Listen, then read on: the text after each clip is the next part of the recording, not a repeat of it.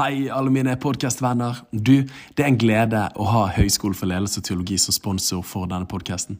Jeg har personlig studert der og gjennomførte min bachelor der for noen år siden. For meg så var det perfect timing. Jeg kjente på et kall til tjeneste, og HLT var med å gi meg mye av kompetansen jeg trengte for å klargjøre meg. Så hvis du interesserer deg for felt som teologi, ledelse og samfunn, sjekk ut deres nettside på hlt.no. Velkommen til Liv og lederskap med meg, Daniel Sæbjørnsen. Utrolig kult at du tapper inn og lytter. Podkasten der alt handler om å inspirere til sterke liv og store lederskap i Jesus etterfølgelse. Så gjør deg klar til å lytte og lære, så du kan leve og lede enda bedre.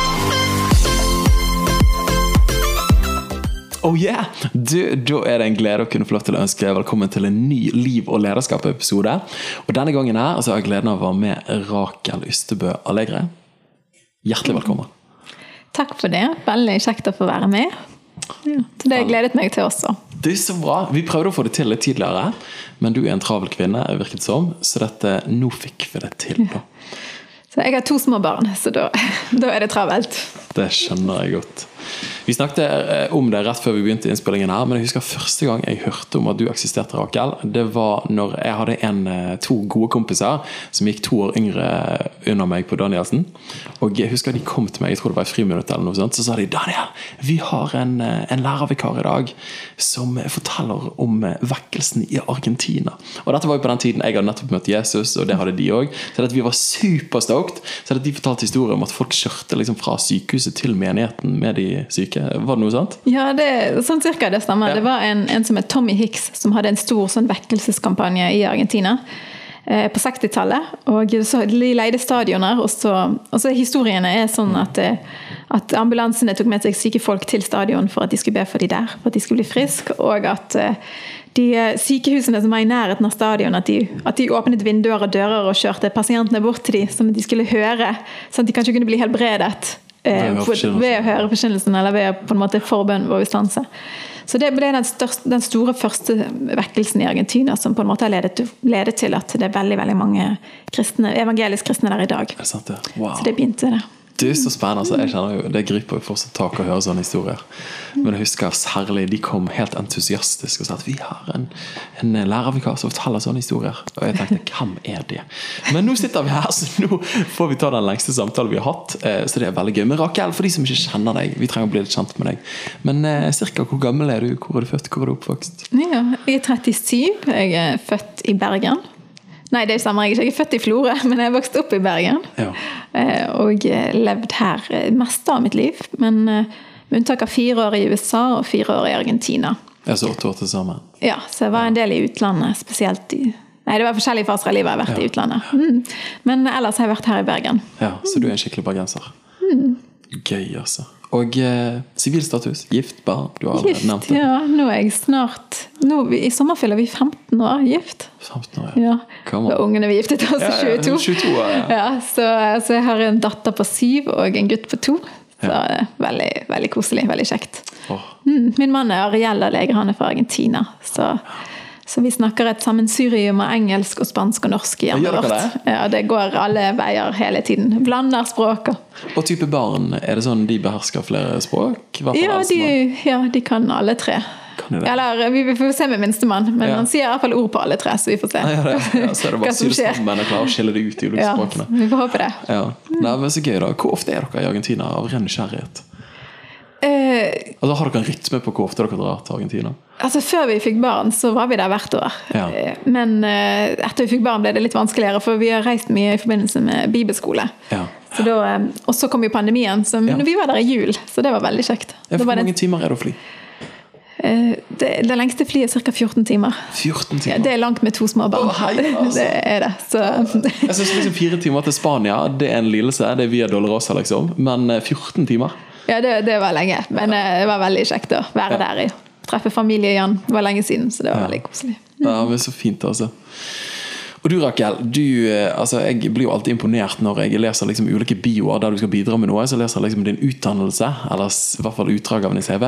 Eh, og jeg pleier alltid å spørre gjestene mine har du noe utdannelse, og det vet jo i aller høyeste grad at du har. Men vil du bare dele hva er det du har studert? Ja, eh, ja kort fortalt så tok jeg bachelor master i teologi. Mm. Og så tok jeg eh, bachelor og master i Latin-Amerika-studier. Så det er spansk, altså, men det er som samfunnsfaglig master. Og så tok jeg doktorgrad i teologi med, med fordypning i kirkehistorie. Ja. Du, så spennende, da. Så tok jeg vel pedagogikk, så jeg var, lærer, jeg var lærer på videregående et par år. da, så Ja. siden jeg var, tok pedagogikk også. Så det, um, det høres ut som det var en sånn stor plan, men det var en del tilfeldigheter som ledet til at, Ja. at det ble sånn. eh, De, alle de tingene der, da. Ja. Det er spennende også. Tenk å ha doktorgrad i kirkehistorie. Det høres ut som en drøm. Det har vært eh, helt strålende å få til noe sånt. Er det vanskelig å få en doktorgrad? Eh, ja, det kommer an på. Altså, jeg tok min i USA. Ja. Er det lett å få det i USA? Eh, det kommer også an på. Det tar lengre tid. Jeg var ikke helt klar over Jeg, forsto vel ikke helt hva jeg gikk meg ut på. Nei, jeg var 26 da jeg begynte. Ja. Men eh, det var det jo tre år med fag først, og så var det mange eksamener, og så var det avhandling. Så det Ja. var en mye lengre prosess enn det det hadde vært i Norge. da. Så da, så da er svaret at det kommer litt an på hvor vanskelig det er, og hvordan, eh, hvordan livet legger til rette for det. Ja. Men, eh, men det er som med det meste annet, så er det bare mye hardt arbeid, så går det bra. Ja, ja. Ja, men det er godt sagt. Mye hardt arbeid. Det er lederskapsvisdom eh, 101. Du, jeg eh, har et artig spørsmål. Eh, jeg tror i hvert fall det er artig. Det er i hvert fall artig når jeg forbereder spørsmålet hjemme. Det er ikke alltid det slår an. Sånn. Men eh, så tenkte jeg, hvilken bok, eh, Rakel, kunne du tenke at noen burde skrive til dagens nordmenn? Ja, altså Det er kanskje ikke et artig svar på det, da. Det er, selv et artig spørsmål. Men jeg har tenkt på det at, eh, at det som er, Nå har vi hatt veldig mye motgang. Mange mennesker har hatt veldig mye motgang ja, i livet for tiden. Og tenker eh, en bok som handler om hvordan man snur motgang til styrke. Ja. At det hadde vært bra. Eh, og eh, ja hvordan man kan komme sterkere ut da, som menneske og som leder og alt eh, gjennom motgang. Det har jeg tenkt på. Ja, bra, bra. Det kan godt hende det fins en sånn bok. Men det, Det finnes helt sikkert noen av de. men, eh, men vi kunne oppdatert den. En post-covid-versjon. Ja, det hadde sikkert vært bra. Det, um, I hvert fall om han hadde nådd bredt ut, hadde det kanskje vært enda bedre. Jeg tenker av og til at noen av de beste bøkene Altså De bøkene jeg leser som regel, er jo folk, er bøker som har mange stjerner på Amazon. eller noe sånt Og så tenker du at eh, dette er jo kjempebra siden mange har lest det. Men så tenker jeg det må jo kanskje være sånn at noen av de beste bøkene som finnes der ute, har sikkert veldig få folk lest òg, kanskje. Eh, så Ja. Stemmer nok. ja. En liten anekdote der. Men eh, du, egen trosreise, Rakel. Eh, du nevnte det, du er fra Bergen. Så langt jeg vet, så har du vokst opp i Pinsekirken, tabernakelet her i Bergen òg. Eh, men hva var din reise til å liksom bevisst tro på Jesus? Ja. Um, som sagt vokste opp her i tabernakelet, og um, Min far var eldstebror her, og um, kristen familie. Hadde to eldre brødre som var aktive i lederskap og ungdomslederteam. Og var veldig, veldig ok storebrødre som tok meg med på møterne, ungdomsmøtene. Jeg var veldig unge og Veldig, veldig flott. Så. Eh, så det var en gradvis prosess der jeg ikke kan kan huske noe spesiell dag eller dato, men, eh, men jeg skrev da jeg var åtte år. Da bodde vi i Amerika et år. Og at da hadde jeg i hvert fall et veldig bevisst forhold til troen allerede. Ja. Så det, så det begynte i hvert fall da da jeg var åtte. Og så, eh, så vokste det vel bare litt etter litt. Jeg var veldig bevisst på min tro på, på barneskolen òg. Og Ja. var vel litt sånn eh, evangelist. Jeg hadde alle sånne Jesus-T-skjorter. Det var sånn barns måte å evangelisere på. Ja, ja. Jesus-T-skjorter skrev ting på pennalet og sånne ting. Men eh, ja, ja, jeg følte jeg hadde nær forhold til Gud og leste Bibelen jeg var fra jeg var barn. Altså. Ja. ja men Så så det- fint, altså. Ble døpt da jeg var tolv. Altså. Ja. Så har det på en måte alltid bare vært, vært sånn. Ja. Altså, jeg, jeg har jo vokst opp i Luther, altså den evangeliske lutherske frikirke, så der har jo ikke man troendes dåp. Eh, der har man gjerne konfirmasjon. Der har man for så vidt pinsebevegelsen nå for tiden gjennom tentroarbeidet. Men type det å bli døpt når du har vokst opp i en pinsemenighet, og det å ha hatt en tro hele tiden, er det sånn man måtte vente til man liksom Ok, nå er liksom nå tror vi de mener alvor, liksom. Eller hvordan var det for Nei. deg? eller? Nei, altså jeg, Siden du var tolv år, liksom. Ja. Hvorfor ikke ti eller åtte? jeg tror faktisk det var en lutheraner som utfordret meg på det en dag. Altså jeg var på en, en tenåring som vi snakket om dåpssyn. Og så, og så, så, sa jeg ja, nei, at man måtte bli døpt når man trodde. Så sa han ja, men tror ikke du? Så sa jeg jo, jeg gjør det. Ja, hvorfor er ikke du døpt, da? Ja.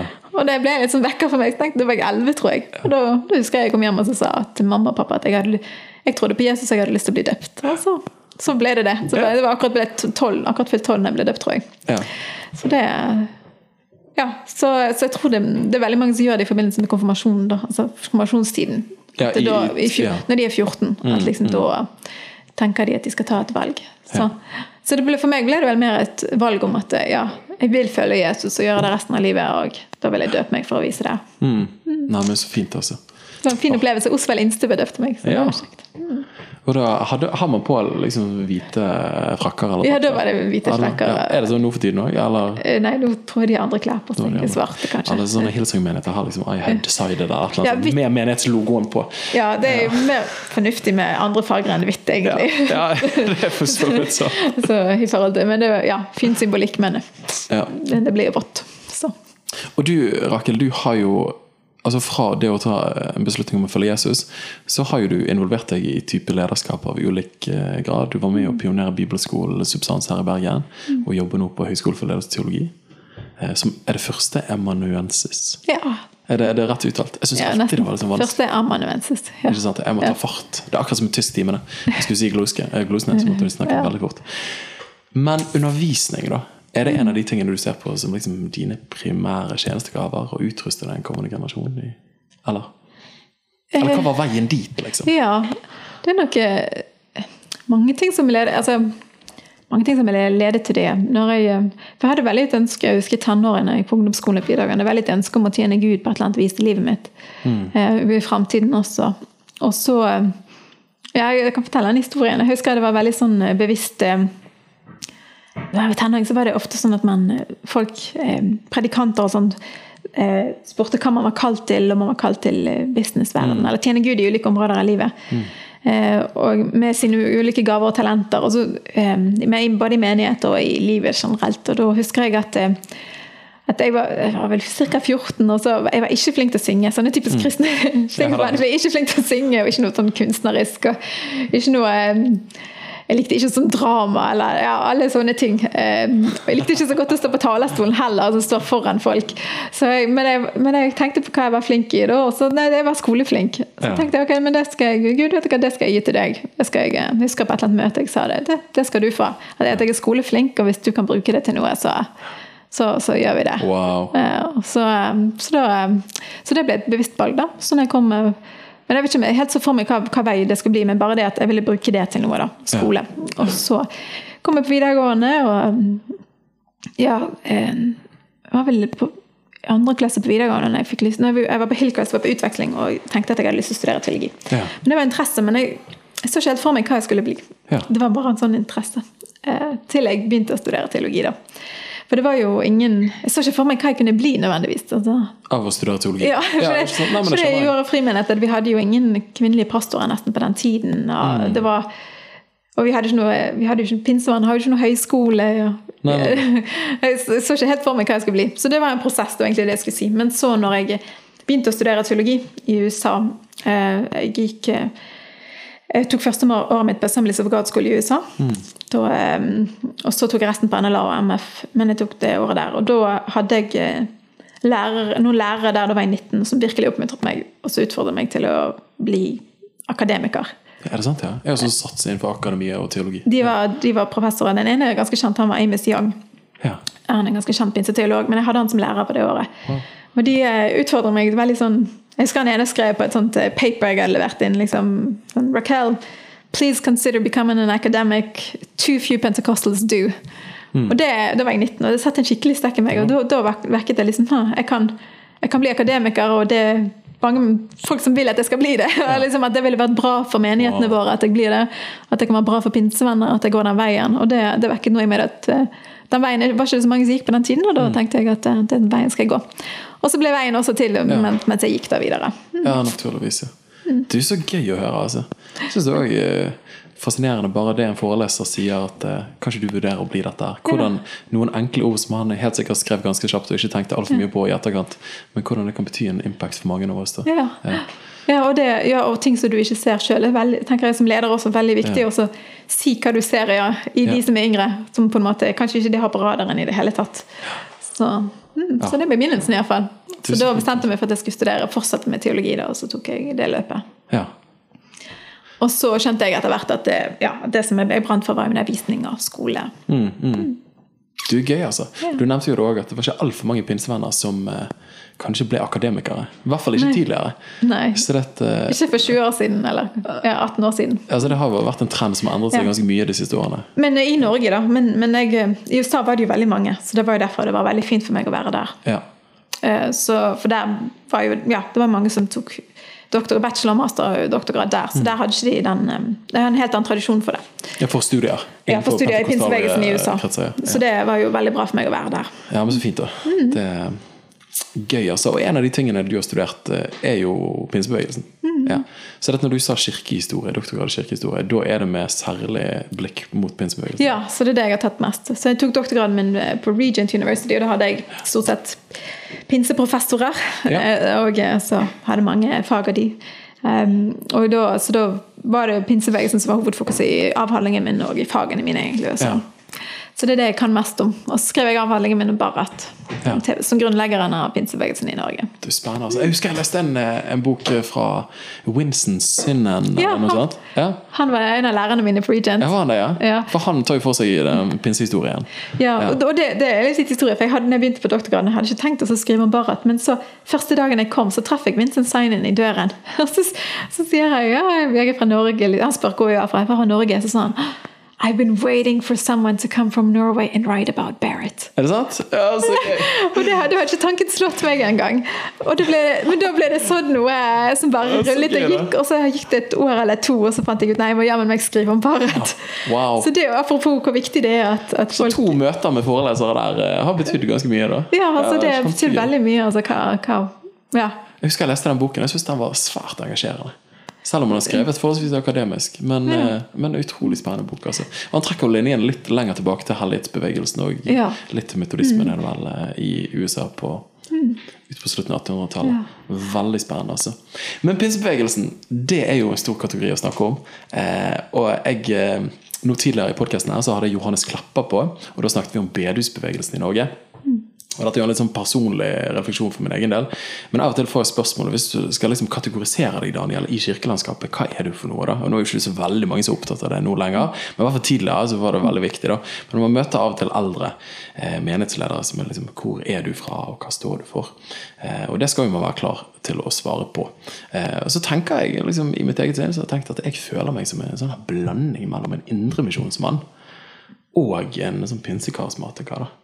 Jeg har liksom trivdes veldig godt i det spennet der. da. Så Johannes Klepper han snakket om indremisjonen og bedehusbevegelsen. Og så er jo det veldig gøy å få deg med her, Rakel. Doktorgrad i kirkehistorie og pinsebevegelsen. Til å kunne snakke enda mer om liksom den strømmen. Så jeg føler at liksom to av mine røtter blir kartlagt her. da. Og forhåpentligvis er det til inspirasjon for flere. da. Men pinsebevegelsen, denne kategorien her, hvordan vil du definere pinsebevegelsen? Og eh, ish, hvor mange folk eh, kan man si Ja. er med av en sånn organisk bevegelse? Ja, det kommer jo an på hvordan man eh, ønsker å definere det, da. Men det er jo når man snakker om eh, som pentecostalism, pentekostalisme generelt, så, så deler, snakker man jo ofte om at det finnes 600 millioner Ja. pentekostale. Ja. Så er jo Norsk pinsebevegelse eller pinsevenner på en måte en, et kirk, altså en organisasjon også, da. Ja. Så, så det er mer klassisk pinsebevegelse. Men denne store kategorien på 600 eller 700 millioner, eh, den deler vi jo ofte inn i tre kategorier. Så Klassiske pinsevenner, som er typisk sånn pinsevenner i Norge, er og frie venner. Ja. Og Assemblies of God og alle disse som trekker røttene sine til Susa Street. Og i 1906. Ja, i 19, til vekkelsen i 1906 i Susa Street. Og, eh, og som har, har en del av disse klassiske pinselærerne. som man snakket om det femfoldige evangeliet. Sant? Mm. At Jesus frelser, han helliggjør, han helbreder. Han eh, kommer snart igjen. Og, eh, og døper i Den hellige ånd, som er den viktigste. Jeg forstår det knapt. Nei, eller frelse er det viktigste, men, men eh, den som døper i Den hellige ånd. Eh, Så det er de som trekker direkte røtter til den liksom, fødsel, Ja. pinsebevegelsens fødsel, og som har vel, liksom, klassisk- dit. ja, og så klassisk har den klassiske læren. da. Så det er første kategori, og der er det ca. 280-300 millioner. Så ca. halvparten av pinsevenner er i den kategorien. Så Assemblies of God sånn internasjonalt er jo den største av de. Jeg lurer på om de er oppe i 80 millioner eller sånt. Veldig mange. I hvert fall veldig mange. Jeg vet ikke om det er så mange, men veldig mange. Men type liksom Assemblies of God i Argentina, det heter vel eh, Ja. noe med Dios? Assembleas eller de Dios. Ja. Eh, Er de formelt knyttet til Assemblies of God i USA, eller er det ulike selvstendige størrelser av de forskjellige landene? Eh, ja, altså det, er, det var et veldig vanlig navn å si pinse kirkesamfunn. Så de, de er ikke, alle, alle de mange av de som heter Assemblies of God, har ikke nødvendigvis direkte røtter til amerikanske Assemblies of God. Nei, okay, nei. Men, så det er uavhengige Så de kan ikke styre de fra USA? Nei, nei, nei, altså. nei, da, men de har et sånn fellowship da, av alle Mm. av Assemblies of God. Så det, de har et sånt eh, ja, et sånn organisasjon der de kommer sammen, men det er ikke, no, det er ikke sånn at amerikansk pinsebevegelse er leder. Nei, okay, andre. ja. Eh, Selv om det er de er bare- kjent gjerne. Ja, så, Ja, så, sett. Ja, så, det, så Assemblies of God i, i Latin-Amerika er veldig stort, f.eks. Stemmer det at Nå kan det være at eh, min hukommelse er feil, men pinsebevegelsen i Brasil er jo forholdsvis stor. Ja. Det var noen svensker som Ja. var med pionerer? det. Stemmer. Ja. Svensk-amerikanere. Det var veldig mange, det er også en veldig interessant historie. Så det var jo så mange nordmenn og svensker som emigrerte til Amerika Ja. eh, rundt når pinsebevegelsen startet. Så veldig mange ble pinsevenner der, og så reiste de gjerne videre ut Misjonsmarken. Ja. Eh, Så det, du har ganske mange av de. Så de, det var to svensker som kom fra Chicago da, Mm. og var pinsevenner der, og så startet, eh, startet pinsebevegelsen i Brasil, Assemblies of God, som ble jeg skal ikke ta det, men mange mange Ja, milliarder, er veldig mange millioner Jeg lurer på om det er mennesker. sånn 30 millioner. eller Ja, det ja, det kan, jeg, har tror hørt, jeg har hørt 20 millioner, men jeg er ikke 100 sikker på det. Ja, Så det er veldig veldig stort. Eh, Så, um, men det er jo det som er med disse, at misjonærer har ofte vært startskudd for en organisasjon, men så er det jo lokalbefolkningen over. ja. som har ledet og gjort at det har vokst så mye. Fordi at eh, det, Pinsebevegelsen har jo vært veldig fleksibel i forhold til at du trenger ikke noe lang teologisk utdanning. altså Du, du har Bibelen, Hellig ånd, Ja. og så ut på Gud velsigne deg, og ut og starte menighet. Sant? Det har jo vært sånn Håper det går fint! så det har jo vært veldig sånn dynamisk og fleksibelt, og det er jo det som har gjort at det har vokst så mye også. da. Ja. Så har man jo hatt selvfølgelig, eksempel i Latin Argentina har de hatt veldig mange bibelskoler, veldig mye opplæring. Men det har vært, eh, så det, Misjonærer har jo startet ting, men, men det har jo vært de lokale, nasjonale menneskene som har gjort at det er blitt så stort da, Ja. Ah, i alle landene.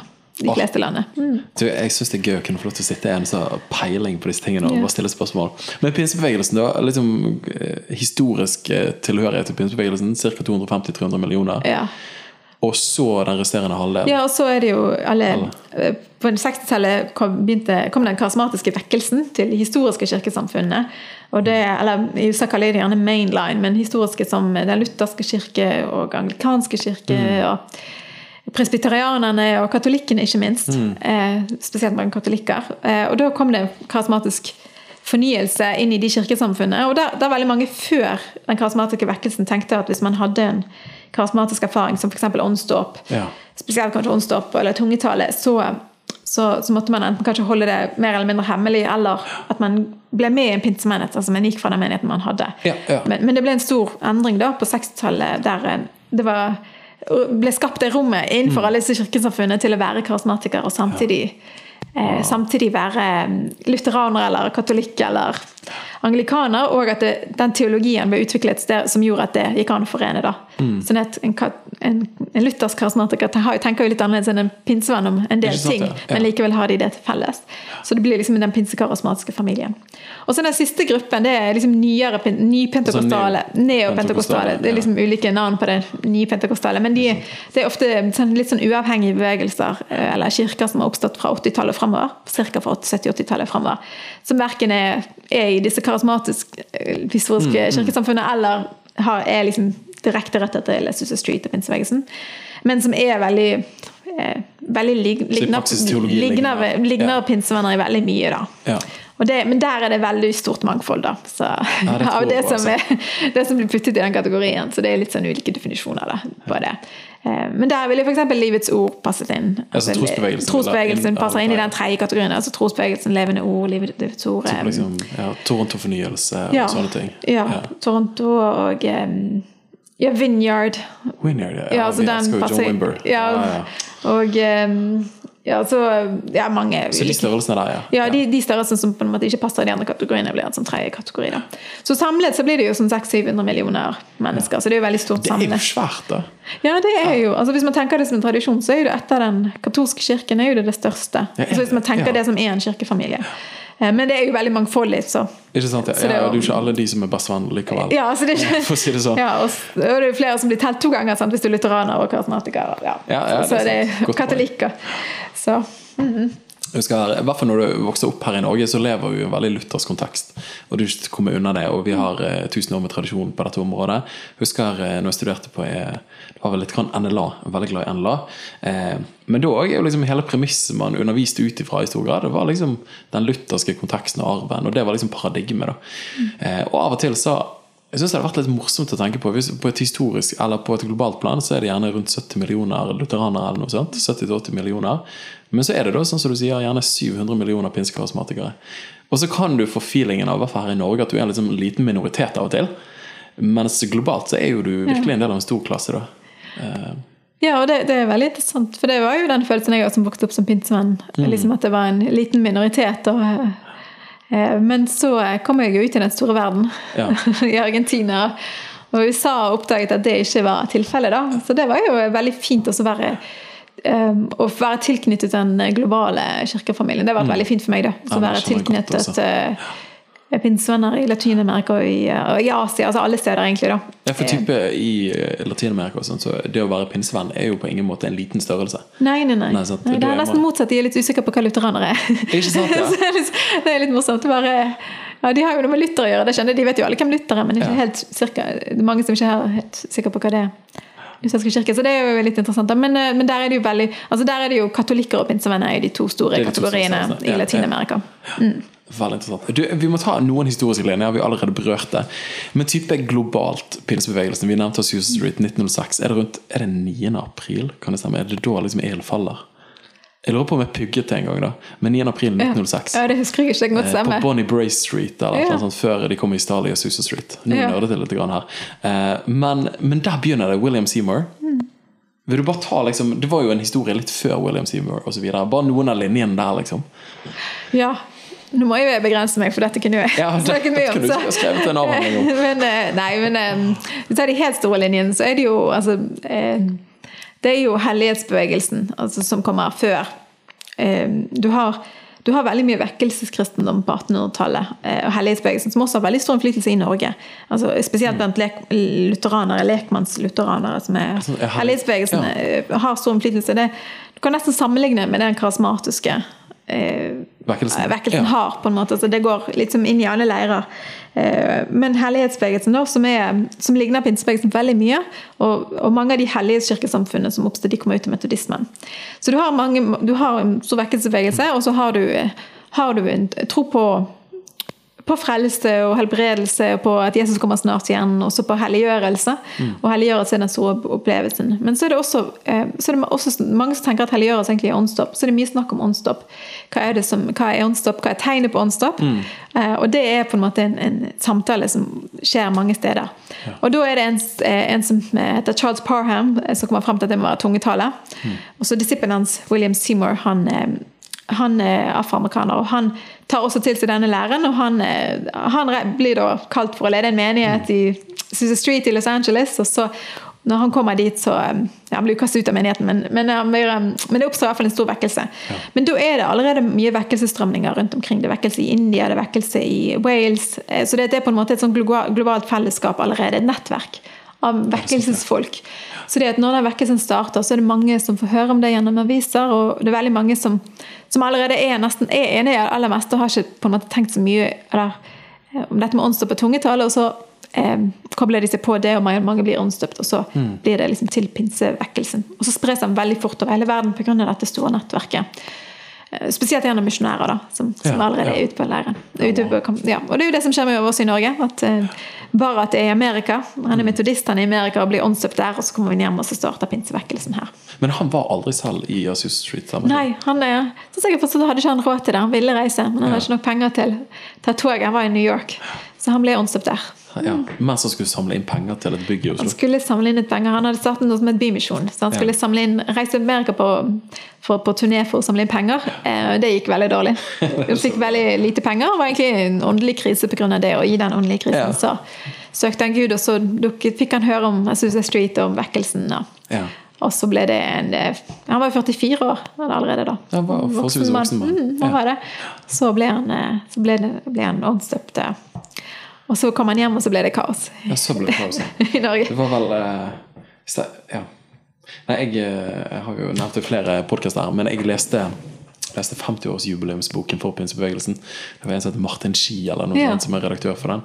Men eh, det var vel 23. desember eller noe sånt. Liksom lille julaften. Så var det møte i Turnhall eller et eller annet sånt i Oslo.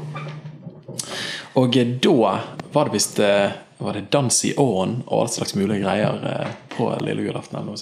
Men det var jo, altså, det var jo sensasjon da han kom tilbake igjen. Ja, altså, Han var jo en veldig kjent figur, Barrat. Eh, Så det var jo blant de Så han var jo kristne. tydelig kristen leder før han var borte. Ja, han var jo Ja. veldig kjent eh, i Oslo, men så var han også kjent blant folk flest. For han var jo han var satt i bystyret fordi at han I Oslo, ja. i Oslo fordi at han var han var leder for Eller han kom inn som kandidat for Avholdspartiet.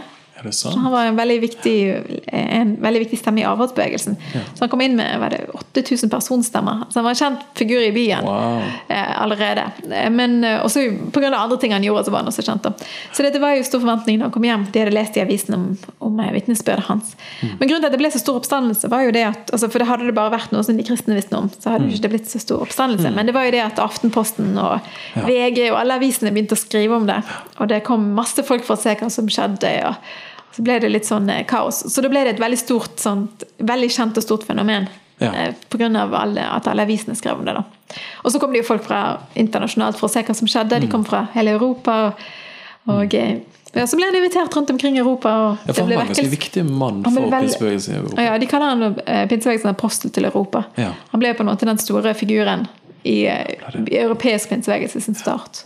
Kjempespennende. Altså. reiste rundt og startet møter. Men det, det som var at han var jo veldig, veldig modig, og um, det var jo veldig mye motstand. Og han skrev tilbake i avisene og skrev spalter og forsvarte seg. og eh, Masse som var usant, egentlig. De fremstilte han som en gal mann, rett og slett. Eh, så, men han, eh, han var til og med i livsfare. De kastet ting etter han, en mobb etter han. Han var i Danmark. ja. Men han, han sto, eh, sto sterkt gjennom stormen. Så, og så fikk han jo mye respekt han, gjennom at han alltid sto sterkt gjennom den stormen i så mange år. Så høstet han jo mye respekt til slutt også, blant folk flest. da. Jo, han ja. Mm.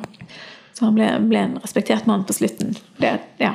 Men ja, Du sa jo det, men du har jo eller jeg ikke om du sa det i podcasten, men du har skrevet om Barrat som apologet òg. Hvordan han forsvarte disse elementene og fenomenene som fant sted.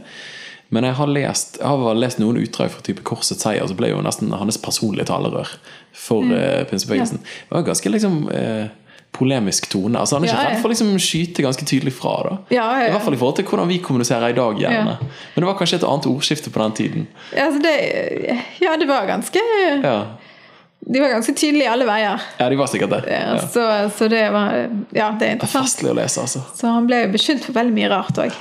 Så eh, ja da. Nei, han er veldig direkte òg. Er sikkert hakket bedre enn eh, når liksom Calvin og Luther holdt på. For Luther var jo, eh, de kunne være veldig hissige i de skriv.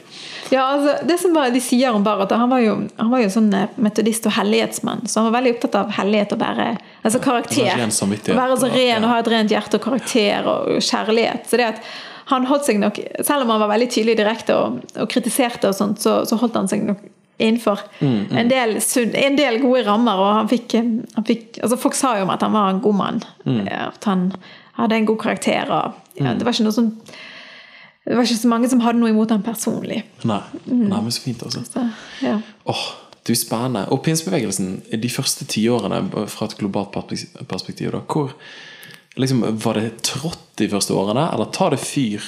Og så, eller Hvis jeg har forstått rett, om kanskje omformulere spørsmålet, så virker det som pinsebevegelsen blir på en måte akseptert i det evangelikale fellesskapet.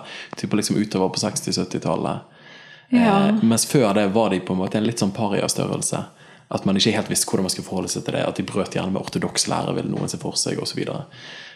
Eller Ja. hva kan du si om det? Det var veldig varierende, det vil jeg si. Altså fra Ja. sted til sted og fra region til region. Det var veldig harde fronter. Mm. Eh, for eksempel i Norge, men det var jo ganske harde fronter mot alle dissentere i Norge. Ja. Altså Frelsesarmeen, metodistene og baptistene litt, litt før. Så det, akkurat det at det var harde fronter, spesielt fra, fra luthersk hold, var jo ikke så veldig uvanlig. da. Også, mens Barrat var jo en økumeniker, så i begynnelsen så var det veldig det var, altså, var et sterkt økumenisk fellesskap blant, blant frikirkeligheten. da. Så, det at, eh, så det, der, frikirkeligheten var nå ganske delt, de som var for og de som var imot. Ja. Eh, Og, og sånn var det jo forskjellige steder. Men, men det ble veldig ulikt utfall eh, av mange ulike grunner da, i de forskjellige landene. Altså Sverige og England, USA og Norge. Og har litt sånn ulike, ja. ulike Folk forholdt seg til de på litt ulikt vis, da vil jeg si. Men, eh, men ja, sånn generelt kan man jo si at de Mm. var litt uglesett blant folk flest. Ja, interessant, altså. Jeg bare tenker I dag, så i hvert fall eh, i USA vil jeg tro at pinsebevegelsen er en forholdsvis liksom, stueren størrelse. Det er jo en av de store. Kanskje. Ja, ja, det spørs hvilken fløy, kanskje, av pinsebevegelsen. Ja. Det er jo veldig stort, så når du går mer, altså, klassisk pinsebevegelse er relativt stueren. Ja, Ja. Men så har du jo en del av disse karismatiske Størrelsene, ja. ja, altså, eh, profeter her og der, og, som sier litt rare ting så, som ikke er helt eh, ja. Nei, altså, ikke. Men samtidig, pinsebevegelsen har vel egentlig fra ganske begynnelsen av trodd på de fanfoldige tjenestegavene som finner i Feserne 4. Eller hva for store deler av pinsebevegelsen. Har ikke det? Tjenestegavene? Ja. men de har, vært, de har nok ikke vært så opptatt av det med tjenestegavene. Der har du hatt, eh, de har vært opptatt av nådegaver, og, og de har vært opptatt av det femfoldige evangeliet. Mm. Ja. Men akkurat dette med tjenestegavene Som apostler og profeter? Nei, det, det har nok vært mer F.eks. Sånn som Kristen Fellesskap og den tradisjonen rest, Restorationists har vært mer opptatt av akkurat det med tjenestegaver, kanskje. Ja. Så man ikke, har ikke vært så opptatt av at noen er en profet eller noen er en apostel eller noe sånt. Det. Man har ikke brukt Men det begrepene så mye. type Eller nå, du vet jo mer om dette enn meg, men type liksom Latin-Amerika, Afrika og sånn. Ja. Altså Disse begrepene har jo blitt mer og mer innarbeidet i Ja. pentekostale kretser? Ikke? Ja, men, men mest, mest i sånn nypentekostale, ikke så mye klassisk pinsebevegelse. Ja? ja. Så eh, for eksempel Assemblies of God er sjelden de snakker altså De sier at noen er en profet og sånne ting, men ikke Men det, problemet du har veldig mange av de stedene, er at det er litt sånn selvutnevnte profeter. ja det er jo alltid gøy. så, så det er selvutnevnte apostler. Så det er på en måte litt annen dynamikk hvis noen, hvis noen sier at han er som en apostel eller han er som en profet, eller at noen kommer og sier at jeg er det. Ja. Ja. Så du har, det, det er ikke ja, det er litt sånn knivninger rundt det der begrepsbruken og hvem som eventuelt skal gi det begrepet, og, Ja, det og hvordan man bruker det, og hva det innebærer og sånt. da. Så det, Ja, ja, så det, så det klassisk pinsebevegelse og eh, en del av disse nye, nyere bevegelsene har jo en del ulikheter også, da. Ja, så er det store spørsmålet hvordan definerer du de ulike tjenestegavene. Ja. Og det hadde vært veldig greit om Paulus kunne liksom skrevet litt mer Ja. utfyll og hva det innebar. Men, men, altså, ja, men, men innholdet i det, det vil jeg jo si at man har vært opptatt av hele tiden. Ja. Det at man har jo vært eh, veldig opptatt av altså I begynnelsen av pinsebevegelsen, profet, det var mye mer, faktisk nesten like mye, eller kanskje mer konflikt rundt profetisk gave enn tungetale. Var det det? Altså rundt Ja. profetier. Måten det ble håndtert på. Ja, og det ble mer kontroversielt i mange sammenhenger enn faktisk det med tungetale. Så, så det, man det vil jeg si at man har vært opptatt, og man har vært veldig opptatt av, pionerarbeid, altså det apostoliske. Så det at man er veldig opptatt av det vil jeg si, ja, av tjenestene, ja, funksjoner av det å gjøre de tingene. Mer, mer, ja, mer enn titlene og liksom at Ja. den er den og det. Det er mer sånn at dette er ting som vi, vi gjør, og så kan man gjøre flere ting. Så. Nei, men så bra, Det høres jo egentlig veldig sunt ut. Det er vel flere som har sagt det er viktigere med funksjon enn posisjon. Eh, og det tror jeg er et vist, eh, en vis tilnærming. Ja. Så jeg syns det er morsomt at vi typ liksom her i Norge Man snakker jo gjerne ikke om apostler eller profeter, men man snakker gjerne i mer sånn generisk forstand. Men jeg tror det er en apostolisk tjeneste eller en profetisk tjeneste. Det er akkurat som du tar litt mer sånn mute-knappen på det, men det kan sikkert være vist i en del tilfeller. Vil jeg Ja. tro. Men det er men et spennende spørsmål. Dette er jo ikke forberedt, men jeg synes, eh, dette er jo gøy. Men pinsebevegelsen vokser jo fram. Og så er jo dåpen i Den hellige ånd. Vi snakket om det. Jesus as baptizer. Dåpen i Den hellige ånd er ild. Og så er tungetale som tegn er jo noe av eh, liksom, kjernedogmet til pinsebevegelsen til å begynne med. Eh, men du nevnte òg at Barat han var jo en hellighetsmann.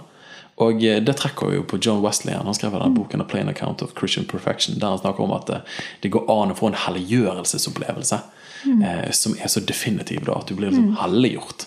Eh, og stemmer det at Barth holdt fast ved det synet, egentlig? Ja.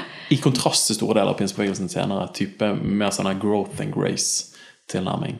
Ja, altså man, for man, i, I USA er jo det skillet mye tydeligere, for der har man jo egne kirkesamfunn som, Ja. som enten er femfoldige, altså femfoldige evangelier eller firfoldige. Så det, så det at man har så Hellighetspinsevenner kaller man jo de der. Hellighetspinsevenner, de tenker at man har frelsen og helliggjørelsen som en egen opplevelse, og så åndsstopp. Altså egentlig tre. Egentlig tre Ja. opplevelser, som er, eller tre erfaringer. Eh, og, så, og så har du de som er Dette er finished work pentecostals, men de som, som, som tenker at helliggjørelsen det er en prosess som starter når man blir frelst, Ja. og ikke en hendelse på et eller annet tidspunkt. Ja. Og, og da, det, da blir det Altså frelse, og så blir det åndsstopp. Så det som bare at han holdt til det altså de, Veldig mange av de som kom ut fra metodistiske kirkesamfunn, de som kom ut fra veslianske kirkesamfunn, de holdt til den tre, tre, tredelingen. Tre Ja, ja. tredelingen, mens mange av de som var baptister spesielt, eh, baptister, men også lutheranere. Men, men de som ikke hadde den metodistiske bakgrunnen, de holdt den to.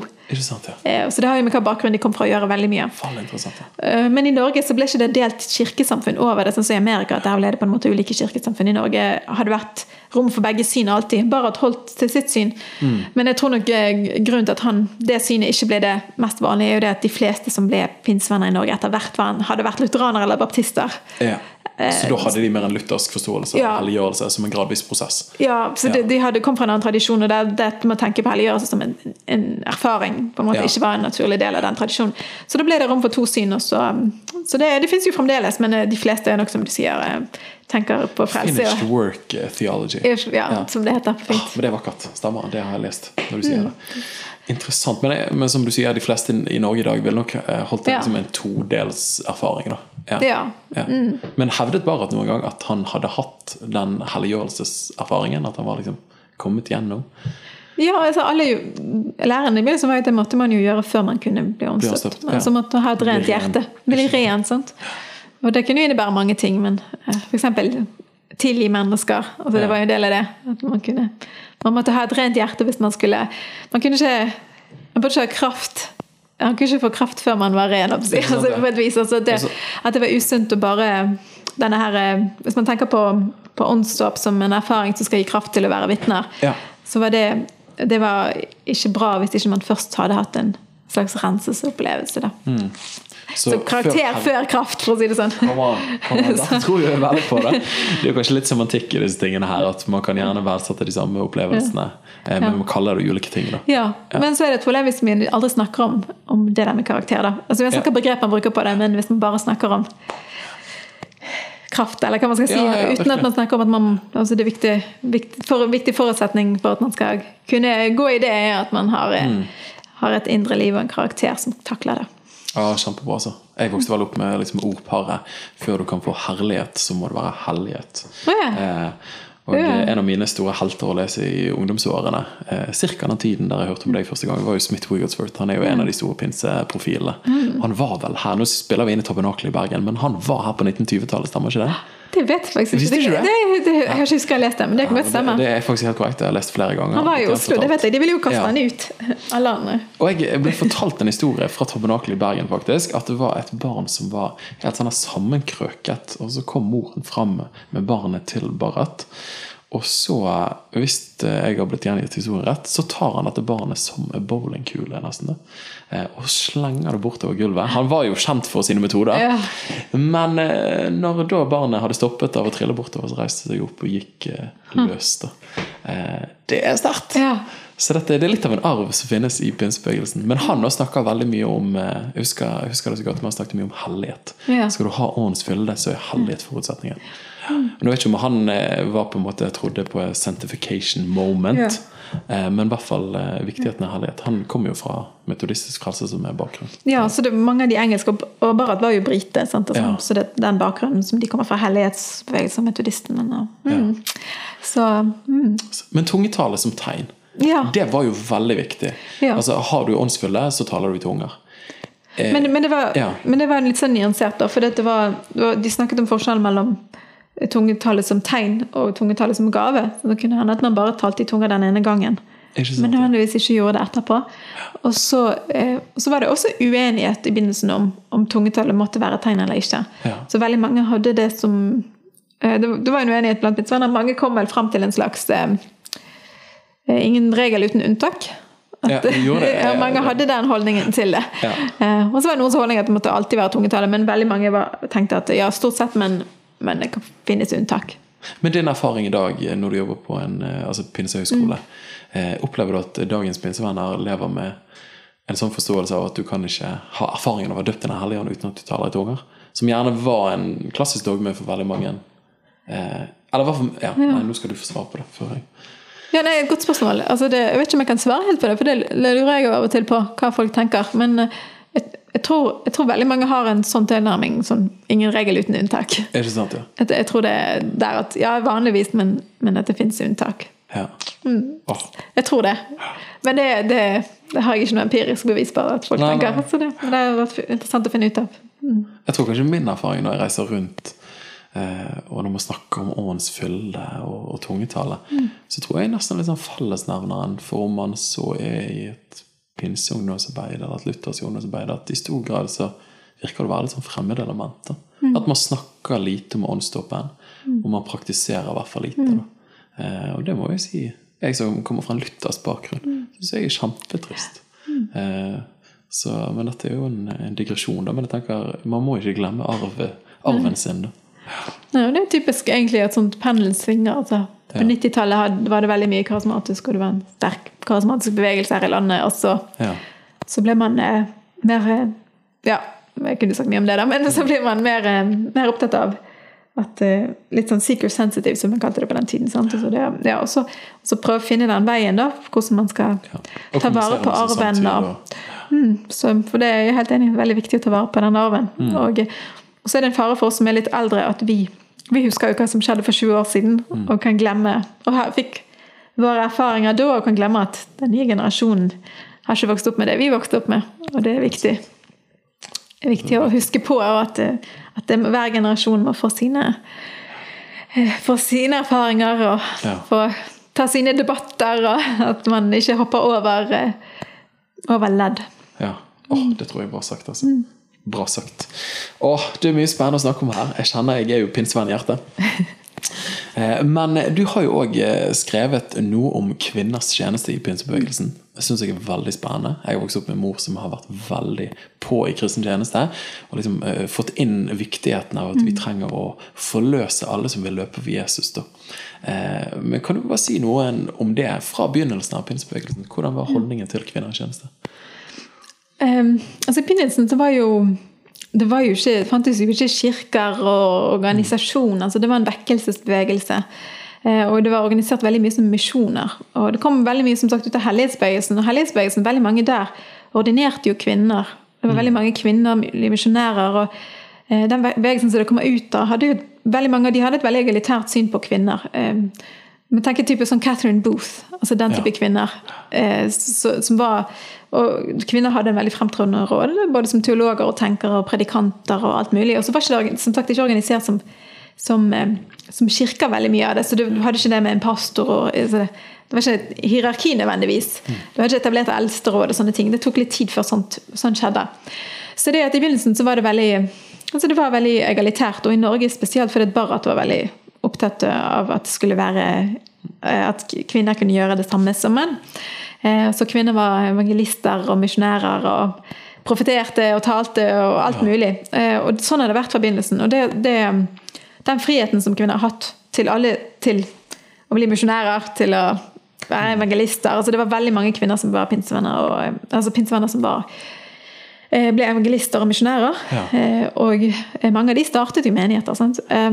Og, eh, eh, men så etter hvert som det ble mer og mer organisert i menigheter, og du fikk en menighetsordning, så, eh, så, så ble det mer snakk om, om, hvem som, sk- om pastoren skulle være At det måtte være en mann. F.eks. For i Norge. ja. Spesielt i Norge. I andre land kunne kvinner være pastorer helt forbindelse f.eks. i USA. Assemblies of God. Og så er det jo andre ting som gjør til det at det har vært få kvinner som har vært pastor likevel.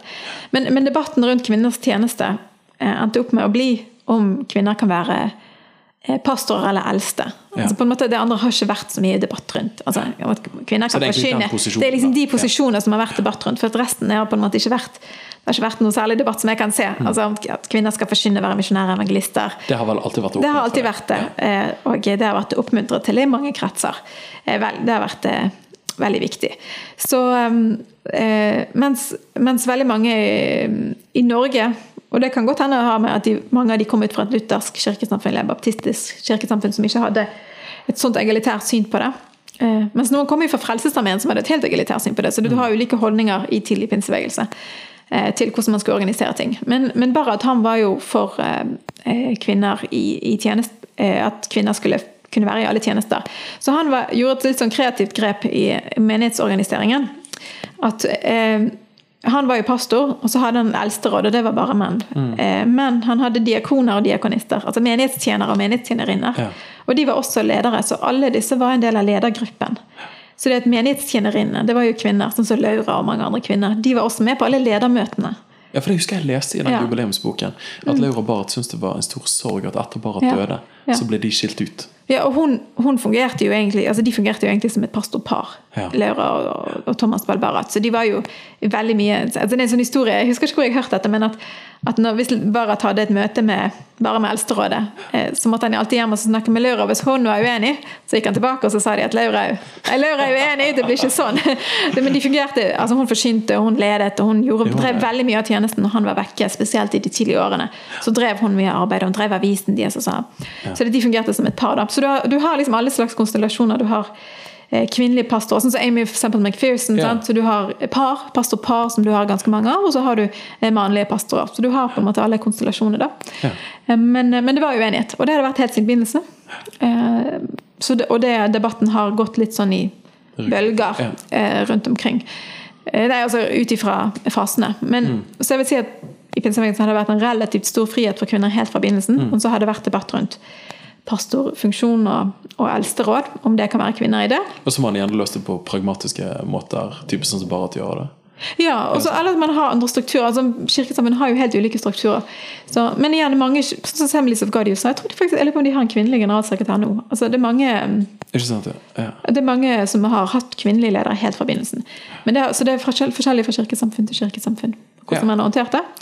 Også, men så har du også mye dynamikker av sånn at, eh, at det har vært steder kanskje det har vært teologisk åpent for det, så f.eks. noe, men at du likevel har få. Og hvilke dynamikker er det som gjør til det? Det er jo på en måte en annen debatt. da. Mm. For eksempel er det pga. mangel av rollemodeller eller nettverk eller oppmuntring. Um, jeg, for eksempel, jeg, når jeg var 19 jeg så ikke for meg i det hele tatt at, jeg kunne bli, at tanken slo meg ikke engang å bli pastor. Mm. det, Mm. Ja, det var mulighet, liksom. Nei, det var liksom ikke noe jeg tenkte på at jeg kunne bli. Og det hadde kanskje vært noe jeg hadde tenkt på nå. jeg vet ikke. Så, Ja. så det, er også, det er mange andre dynamikker også, da. Ja, definitivt. ja. Mm. Og så er jo det også, Samfunnet generelt er jo mye større åpenhet for kvinnelige ledere. så det, Ja, og der er det jo nesten motsatt, faktisk. For bare at han sier jo det at, at grunnen til at det det er greit i noen setninger å begrense kvinners frihet, sier han det for å tilpasse oss den kulturelle settingen vi er i. Fordi at det er vanskelig for kulturen rundt de å forholde seg til at kvinner kan ha hovedlederskap. Sier han, Men dette bibelske idealet er at kvinner skal kunne være i alle lederskapsposisjoner, men vi må av og til tilpasse oss til et mannssjåvinistisk samfunn. for å si det på den måten. Så det er veldig ja, nesten litt, ja, det er nesten litt sånn vittig at faktisk at, At han at, er, at nå liksom det er omvendt. da, Så det er jo interessant. det er hans, hans tanker i hvert fall. Men han overbeviste ikke, ikke pinsebevegelsen som et sitt syn. da, altså det, de fleste, det var uenighet, og de fleste tok ikke hans linje der. ja. Veldig interessant. Han skrev jo da den boken 'Kvinnens plass'. stemmer Ja, kvinn kvinnen eh, Hva heter han? Kvinn, Jeg trodde det var det, men det kan være tøft. kvinnens eh, rolle i menigheten. Tenk, Nå sto det helt stille, men det er noe sånt. Ja. Ja. Og så var det, eh, Denne har blitt gjenfortalt, det er sikkert en morsom historie som er sånn historie som løper i pinsebevegelsen. Men han letet etter den boken, og så spurte han vel en eller annen i Ja. forlaget eller noe sånt. Hvor er navnet på den boken? 'Kvinnens plass' eller noe sånt. Og så svarte han 'på kjøkkenet'. Og da var liksom at bøkene fysisk lå på kjøkkenet. Eh, At det er en litt sånn fastlig historie som har levd, da. Ja. Eh, Du har hørt han før? Ja, ja, du har- og, ja. Og, eh, og det var jo det der igjen at, Men det er veldig interessant at han ikke fikk gjennomslag for sitt syn da, blant de andre lederne. Så det at når han døde, så ble jo ble det endret sånn at det bare pastoren og eldsterådet møttes. Og da ble jo kvinnene på en måte ekskludert fra hovedlederskapet. Veldig interessant. 1940. 1940, ja. Han døde rett før okkupasjonen? Ja, jeg holder nesten på å si heldigvis. Altså, han, var jo, han hadde jo skrevet en bok der han var veldig hard med Hitler og Mussolini. Så han var jo en av de som kunne blitt fengslet av nazistene. Ja. Så han døde, bare, han døde i januar 1940. Så det var, eh, det var kanskje en god ting. Mm, han eh, døde i fred med en god, stor begravelse. ja. Du, eh, Tiden løper jo fort her når vi har det kjekt. Mange spennende spørsmål. Men pinsebevegelsen globalt i dag, hvordan vokser den? Og hva tror du vi kan lære av den her hjemme i Norge? Altså, Er det sånn at han har stagnert i et historisk blikk, eller er det sånn at han vokser i Asia og Latin-Amerika? Eller Ja. hvordan er veksten til pinsebevegelsen nå? Ja, Det spørs jo hvordan du definerer altså, pinsebevegelsen. Hvis du eh, tar det store begrepet. ja, altså, hvis du tar det store begrepet, så vokser de, ja, det vokser jo stadig. Ja. Ja, det vokser masse i Afrika og Latin-Amerika, også i Asia. Så der er det veldig stor vekst blant det pinsekarismatiske. Eh, Det er jo ikke stor vekst i Europa, Nei. men det er mest i det globale sør. Det er jo der de fleste pinsevenner er. Så en typisk pinsevenn i dag er Ja, ikke jeg- oss i Norge? Nei, nei, nei, en typisk pinsevenn i dag er Af- i Afrika eller Latin-Amerika. Ja. Eller kanskje i Asia, men ikke, ikke i Norge. Ikke i Europa. Ikke engang i USA. Eh, Så, så det, det er der det vokser. Og det er veldig veldig dynamisk. Mm. Og det er veldig pionerånd. Altså det har vært noe som pionerånd i Mm. pinsebevegelsen som ligger der. Så det startes hele tiden opp nye menigheter og nye ting. da. Ja. det er veldig sånn driv. Så tror du det, hvis man på en måte skal kulminere ut noen suksessfaktorer, da, hvis du skal se på en måte som misjonalt sosiologisk perspektiv, så den pionertilbøyeligheten, at man ikke venter til man har en lang teologisk utdannelse, men at man bare liksom Bibelen, Den hellige ånd, come on, liksom. Ja, Det er vel litt sånn veien blir til mens man går. Ja. mentalitet. Så det kan, det kan være en del av det. Men, men det, ja, altså troen på at Den hellige ånd utruster alle. At alle har et kall. Om du er gammel eller ung eller kvinne eller mann. altså ut og tjene Gud på et eller annet vis. Og det at du blir satt i stand til å gjøre, gjøre noe. Så den, eh, den driven som ligger, som man kan få, da, eh, som, som veldig mange mennesker har en sånn tro på at eh, tro på det at Helligånden er med, så da går vi, går vi ut, da. Ja. så det, det er det nok en, det ligger en veldig driv der. Mm. Så du har, du har veldig mange nye ting som blir startet i pinsebevegelsen og ut av pinsebevegelsen. Så det kommer mange bevegelser ut fra pinsebevegelsen Ja, også. det tror du helt ja. Mm. Ja. Så den der forventningen til at vi tror på en Gud som lever og griper inn i dag. Så la oss eh, forsøke. Ah, elsker det, altså. Kjenner jeg blir giret. Men det er jo det ene, men grunnen til at folk blir pinsevenner, det, det er jo på en måte noe annet. Altså mange blir, der er det nok altså Pinsebevegelsen har jo et verdensbilde, eh, et åndelig verdensbilde som, som er ofte veldig mye mer forenlig med et verdensbilde blant folk i Afrika og Asia Latin-Amerika. Ja. Så dette treffer mye mer folk. altså At man tror på engler og demoner. Ja, så man tror, også tror på helbredelse og tror på, på en gud som griper inn, og som er til stede, og som ja, kan, løse, kan eh, løse problemer og hjelpe deg når du har økonomiske problemer. Altså en, en som er veldig til stede. Til stede i hverdagen. Og det er nok et budskap også som treffer mange. Åh, vakkert. Jeg kjenner det treffer meg, i hvert fall. Veldig, veldig tro på det. Du, spennende, spennende. Eh, et av de spørsmålene som jeg har lyst til å stille deg, eh, Rakel, før jeg lar deg gå her, eh, må jo være Vi snakket litt om utdannelsen din i sted. Du har sittet flere timer på skolebenken enn meg og mange andre. Eh, og det er ikke alle som kan ta seg fri fra hverdagen, fra arbeidslivet osv. for å kunne studere og ta videreutdanning. Men jeg vil bare anta at du lever en forholdsvis lærende livsstil. Og det ligger noe liksom tilbøyelig for deg, som du sa, at Gud, jeg vil gi deg mitt skoletalent. Men hvorfor er det viktig å lære? Hvorfor er det viktig å lese? Hvorfor er det viktig å utvikle seg? Ja, det er sikkert mange svar på det spørsmålet. Um, ja. Nei, altså det er, det er jo alltid viktig å lære for å vokse som, som menneske. Og man kan jo lære på mange måter. Ikke bare av bøker, man lærer av erfaring, ikke minst. Eh, Men jeg har, jeg har jo veldig tro på å lære av andre sin visdom og erfaring. Så det, det å lese om andre sin erfaring og andre sin visdom Jeg har en venninne som eh, sa til meg en gang at det er bra å lære av eh, egne feil, er enda bedre å lære av andre sine feil. så, eh, så det er et eller annet med at man får mye visdom og kunnskap som kan være nyttig i eget liv med å lese om andre mennesker og hva andre mennesker tenker. Så det er sånn generelt, ja. ja. Eh, Og, eh, og for man eh, kan eh, speede opp sin egen eh, forståelse og eh, visdom med å, med å tilegne seg andre sin også. Det er bra sagt. Så eh, ja, så det, så det er veldig tro på. Og, eh, Så det med Jeg har jeg har studert jeg, sluttet, jeg studerte vel fra jeg var 20 Nei, fra jeg var 19 til jeg var 35 uten opphold. Takk for det! Du er 16 år! ja, 16 år uten, Etter videregående. uten opphold, altså i forhold til studiepoeng. Så det at eh, eh, Da har du likt å studere. Altså jeg har jo, sant, så jeg, liker, jeg har jo likt det. Eh, Og så ble, var jo det en helt, ting, en helt annen ting etter vi fikk barn. Da, da, det er jo en helt annen livssituasjon. Så det, det må jo ses en livsfase.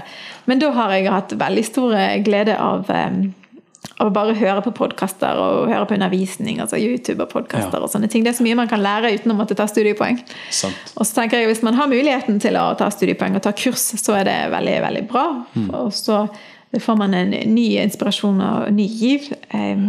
Og ja, På HT har vi jo mange kurs som man kan ta, og det tenker jeg er alltid bra. Men så er det mange andre steder man kan tilegne seg. Ja. Så, så når man er i en veldig travel livsfase, sånn som jeg med små barn og full jobb, så er det mens man tar oppvasken man man hører på podkaster og hører på om verden. Og det er jo ikke bare liksom teologi, men det er bra å lære om verden også. Da, følge med på hva som skjer i verden. Ja, så, men, eh, men jeg vet ikke, folk er forskjellige. Altså.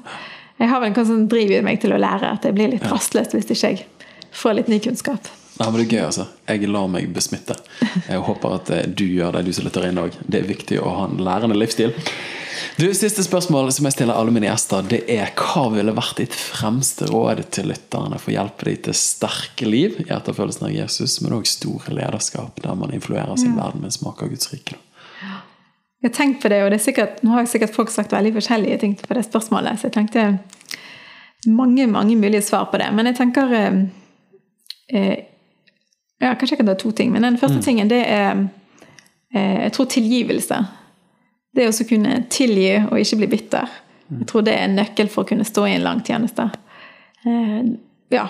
Så bra. Eh, så tilgi andre, tilgi seg sjøl, be om tilgivelse. Og så på en måte kunne gå videre og vokse gjennom sånne ting.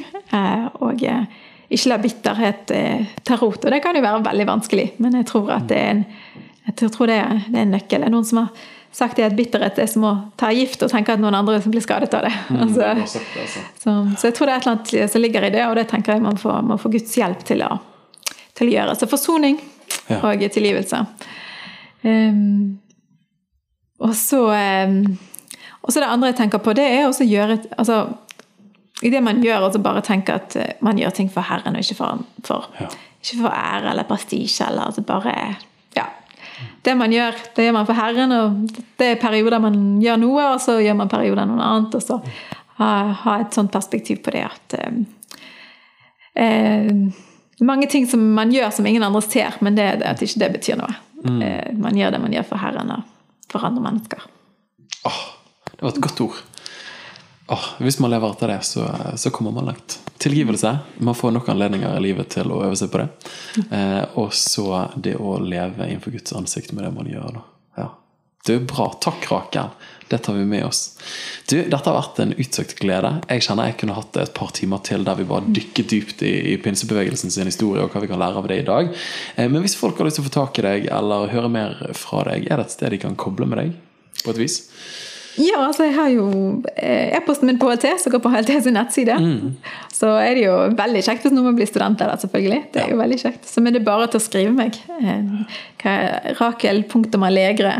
Rakel.allegre.hlt.no. Ja. Så det må man bare ta kontakt. Det er så bra. Så hvis du har spørsmål, hvis du har lyst til å lære mer, eh, så snakk med Rakel. Fantastisk. Tusen, tusen takk.